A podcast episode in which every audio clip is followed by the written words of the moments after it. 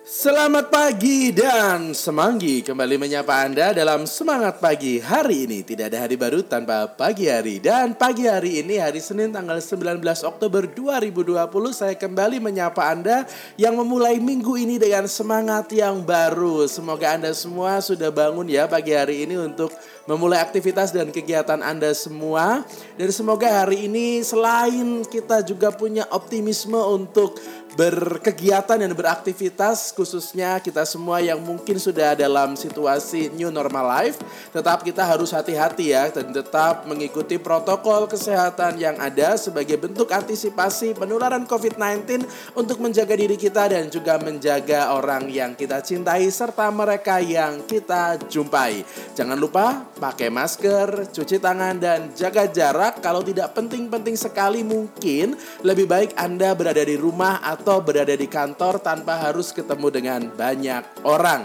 Karena apa pun yang kita lakukan dalam mengikuti protokol kesehatan, Walaupun itu sederhana kelihatannya, tapi kita tidak boleh lalu meremehkan virus COVID-19 karena memang masih ada di sekitar kita dan bagaimanapun kita semua berharap dan berdoa bahwa pandemi akan segera berakhir dan kehidupan tidak hanya new normal tapi bisa back to normal life. Amin ya. Untuk menemani Anda di pagi hari ini di awal minggu tanggal 19 Oktober 2020 untuk Anda semua yang sudah bersiap untuk bekerja atau bersiap untuk bersekolah atau Anda semua yang mungkin masih stay at home tapi bekerja dari rumah atau untuk Anda ibu-ibu rumah tangga yang memang ada di rumah terus, Semanggi akan menemani Anda dalam semangat pagi hari ini. Kita akan mencoba untuk mencari inspirasi dan renungan dari bacaan Injil Injil hari ini. Bacaan Injil hari ini dari Lukas 12 ayat 13 sampai dengan 21. Iya, Injil Lukas bab 12 ayat 13 sampai dengan 21 berisi tentang sebuah dialog antara seseorang yang tidak disebutkan namanya tetapi dia ada di dalam sebuah kerumunan atau di dalam kelompok orang yang sedang mendengarkan Yesus di dalam melakukan pewartaan atau pengajarannya. Dia mengatakan begini, "Guru, katakanlah kepada saudaraku supaya ia berbagi warisan dengan daku." Ini adalah sebuah permintaan dari seseorang yang mungkin di dalam kerinduan hatinya saat itu dia sedang dalam situasi merasa tidak adil atau merasa warisan yang dia dapatkan dari orang tuanya itu tidak sebesar yang didapatkan oleh saudaranya. Dalam sebuah tradisi atau dalam tradisi bangsa Israel saat itu atau dalam tradisi di mana Yesus itu ada atau Yesus itu hidup, tradisinya adalah jika ada satu orang tua itu meninggal dan meninggalkan harta warisan, maka pembagiannya adalah setengah dari harta warisan itu akan diberikan kepada anak sulung atau anak sulung akan mendapatkan harta warisan yang lebih banyak dibandingkan dengan adik-adiknya.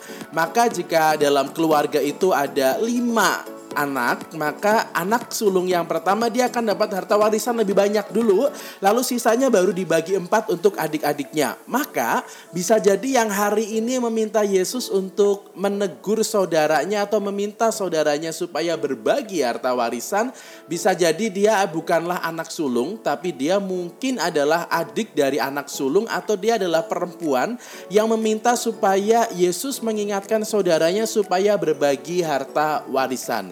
Ini menjadi sesuatu yang menarik karena Yesus seolah-olah hadir menjadi pribadi yang luar biasa gitu ya. Bahkan berkaitan dengan harta warisan saja itu minta tolongnya sama Yesus. Maka kita bisa membayangkan situasinya Yesus saat itu dia tuh begitu populer. Dia punya pengaruh begitu besar. Bahkan pada hal-hal duniawi tentang warisan pun itu minta tolongnya sama Yesus gitu ya.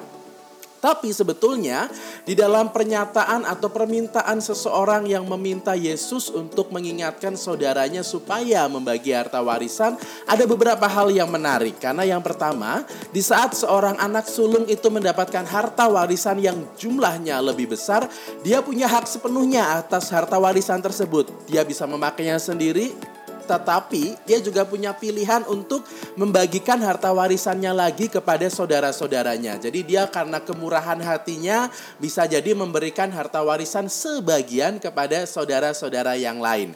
Maka di saat dia tidak memberikan harta warisan sebagian kepada saudaranya, ada sebuah indikasi di sana bahwa relasi persaudaraan di antara mereka itu kurang baik. Maka di saat uh, saudaranya dapat harta yang lebih besar, lebih banyak, saudara yang lain lebih sedikit, dia nggak peduli, dia nggak pingin ada ketertarikan uh, atau ada keterbukaan untuk membagikan hak yang dia dapatkan. Maka di, di sini sebetulnya kita belajar bahwa di dalam hidup bersaudara, di dalam hidup bersama dengan orang lain, kita diajak juga untuk membangun relasi yang baik satu sama lain. Pertama-tama, bukan karena kita berharap untuk dapat harta warisan, tetapi kita berharap di sana terjadi sebuah relasi kasih bahwa mendapat harta warisan, mendapatkan hal yang duniawi itu adalah tambahan karena kita ada relasi kasih di sana. Lalu sesudah orang ini meminta Yesus untuk menyampaikan kepada saudaranya supaya dibagi harta warisannya,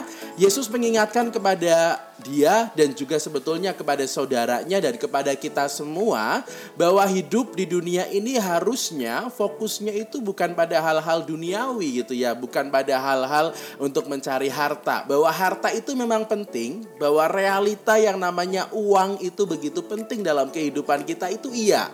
Bahwa kita tidak hanya cukup berdoa saja, tapi kita juga butuh hal-hal yang bersifat jasmani untuk kelangsungan hidup kita.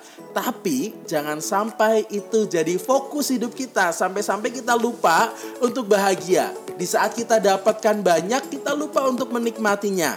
Di saat kita dapat banyak, kita lupa untuk membaginya kepada orang lain.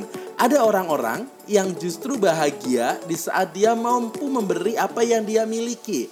Ada orang yang bahagia di saat dia mampu untuk membagikan apa yang dia dapatkan sebagai berkat dari Tuhan. Maka mari kita mohon rahmat Tuhan hari ini di awal hari dan juga awal minggu ini di minggu ketiga bulan Oktober. Kita mohon rahmat Tuhan juga supaya diberikan banyak berkat, kita diberikan banyak rezeki supaya di dalam hidup kita juga bisa banyak hal kita penuhi kebutuhan harian, kebutuhan keluarga, mungkin kebutuhan yang lain bisa dipenuhi.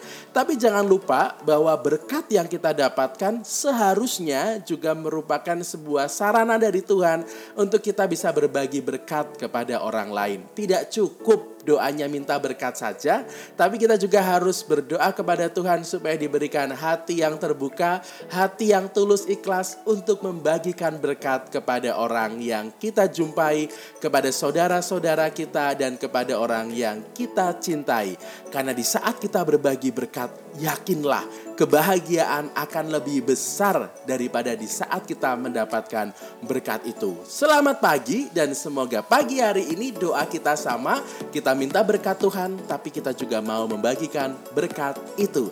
Terima kasih sudah mendengarkan Semanggi pagi hari ini. Semanggi, semangat pagi hari ini. Kita ketemu lagi besok. See you dan bye-bye.